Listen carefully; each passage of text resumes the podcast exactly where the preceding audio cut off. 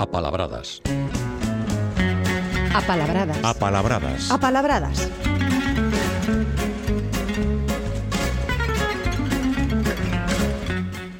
Se está connosco Paulino Novo que se asoma como cada sábado nesta colaboración eh, se, tratando de, de sorprendernos e hoxe non vai ser menos, Paulino, moi bons días. Que tal, bons días. Estaba pensando no, no Veroño que xa nos deixou atrás, estáse marchando paulatinamente e tamén abando as palabras. Eh, sí, pero ese Veroño... Ese Veroño, Veroño ten moito que ver. Claro, está ben en castelán, pero en galego non nos vale. Ah, amigo. Porque en galego é outono, entón non o de verán otoño, Veroño, esa creación popular, vale en castelán, pero en galego non nos vale, porque verán outono, entón pois sería... Pois aquí estás ti para sacarnos de dúbidas. Ver, verono, pois pues non sei, pero Veroño, Veroño en galego non podería ser. De todas maneiras, a min estas creacións así espontáneas, creativas, que, eh, que teñen expresividade, originalidade, e que achegan algo novo sin que sustitúan ou prexudiquen a, o noso patrimonio, a min parecenme, parecenme ben, pero bueno, Veroño, Veroño en galego non pode ser. Pois nada, tal e como acabamos de escoitar, Veroño en galego queda sentenciado, non debe de empregarse, pero como distí, trátase dunha creación popular, enxeñosa e moito me temo eu que veu para quedar. Seguimos adiante. Gustache, Paulino, traer palabras para comentar, pero sorpréndesnos eh, moitas veces tamén con significados que tiveron distintos aos que teñen actualmente. E hoxe traes dúas palabras que moi ben poden valer para designar algo moi bo pero tamén para algo que causa temor. Refírome por un lado a espantoso e por outro a formidable. Sí, coinciden aí os dous significados, aínda que nos parecera que non puderan ter nada que ver, pero imos ver como coinciden nesas dúas palabras.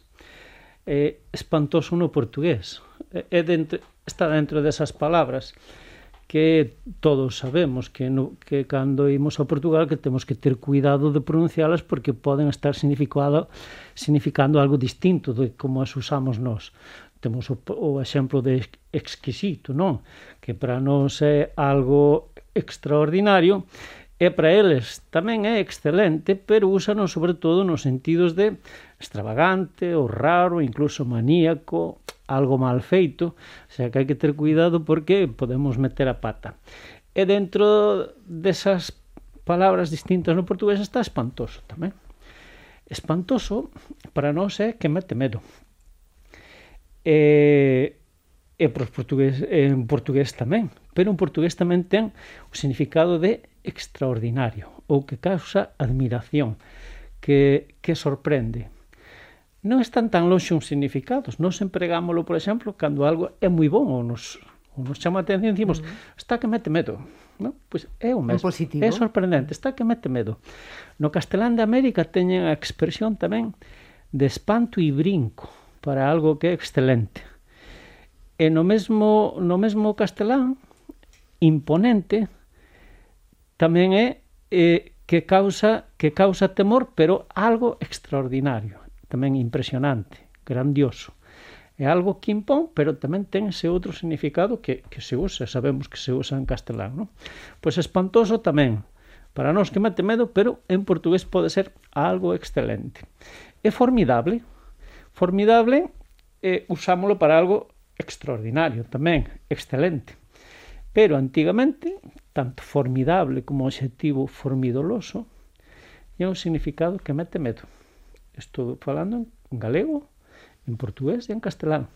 De feito, nos dicionarios, os actuais, aparece cos dúas acepcións, algo extraordinario, pero algo que mete medo. E a súa, na súa etimoloxía está ese significado. Formidabilis en latín, que era que infunde medo, derivado de formidare, que era meter medo. O significado original de formidable era que mete medo. E despois, algo grandioso, algo excelente, extraordinario. Pois pues, como sempre ti estás, Paulino, formidable. Fíxate. Isto me lembrando, bueno, na ti tamén, eh? ti tamén, ti, ti mellor. Na historia da televisión, por exemplo, lembrannos un programa, eh, non sei se che soa dun tal Alberto Oliveras, que foi un magnífico sí, periodista, sí, que sí. se chamaba aquel espazo de televisión, que era un concurso, sí, segundo sí, sí. segundo contan, que se chamaba Usted es formidable, vostede formidable. Pues mira, mm. xa sabemos o de formidable, eh? que ten ese outro significado que seguramente se nos escape. Está nos dicionarios, eh? A semana pasada eh, trouxeches nos distintos xeitos, distintas maneiras de nomear o pan, os distintos sí, pans sí, que podía sí, haber na nosa sí, comunidade. Sí. Hoxe disme que temos un queixo galego moi parecido ao francés. Non sei se falas de sabores ou de palabras, pero en francés o queixo de toda a vida é fromage. Sí, aí fixen algo de broma, non? eh, efectivamente, non imos falar de gustos que nos gustan casi todos os galegos e os franceses, pero imos falar de palabras. E efectivamente, como diste, en galego, en francés, fromage, non? Eh, Este fromage do francés é unha alteración dunha forma antiga no francés que era formage, eh? e do latín vulgar formáticos que derivaba de, do latín forma. Eh? En castelán antigo houve formaje tamén para o queixo. E en galego antigo hai formaxe que era o molde para facer o queixo e por metonimia o queixo mesmo. Eh? Ou esta palabra no galego antigo, formaxe, que coincide co antigo francés formaxe, de onde despois alterou a formaxe.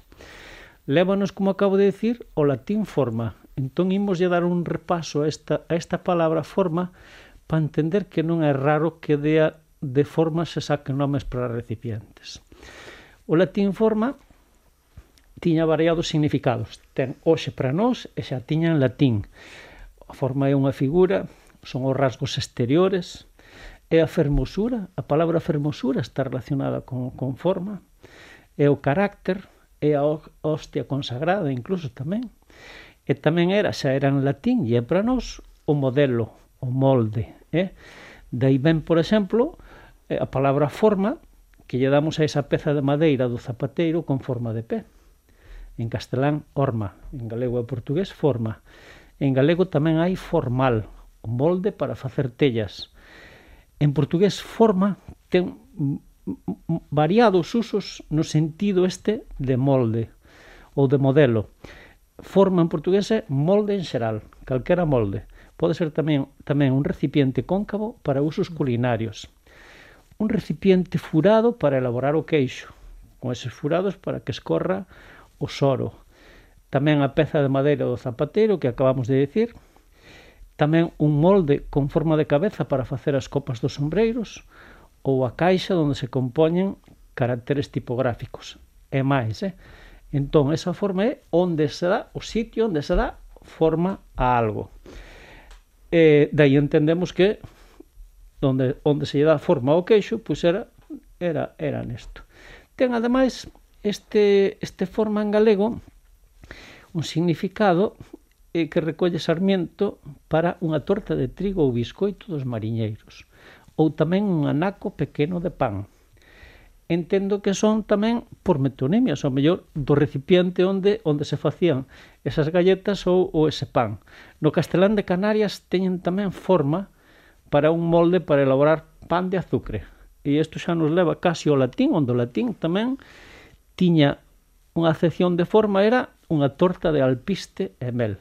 Seguramente todas estas tortas, biscoitos, pan e tal, era igual que o queixo, polo molde, pola forma que se usaba para darlle para elaborar estes alimentos. Agora, onde estea un San Simón, Eh, que se quite o resto dos fromáis. Calquera, de, calquera, calquera deles, dos pero nosos. San Simón, por suposto que sí tamén. Así afumadiño. eh, remataremos, Paulino, como sempre, cunha palabra pouco usada para que polo menos os sábados, tal día como hoxe, pronunciemos e coñezamos patrimonio léxico pouco empregado. Hoxe toca esgairo. Sí, no, gustanos traer, gustame traer, e a ti gustache que compartamos as palabras que soan bonitas e que ademais din algo bonito. A semana pasada traemos unha, pero claro, hai palabras para todo. Hoxe non é hoxe a cada un que lle soe máis ou menos, pero non indica cousa boa. Esgairo ou esgueiro é unha persoa de trato áspero, unha persoa eh, insociable. En portugués, en portugués din esgue, esgueirizo, eh? Para nos esgairo ou esgueiro, esgueirizo en, en portugués. Unha persoa, eso, insociable, de, uh -huh. de, de maltrato, un toxo, non? Como se diz tamén ás veces.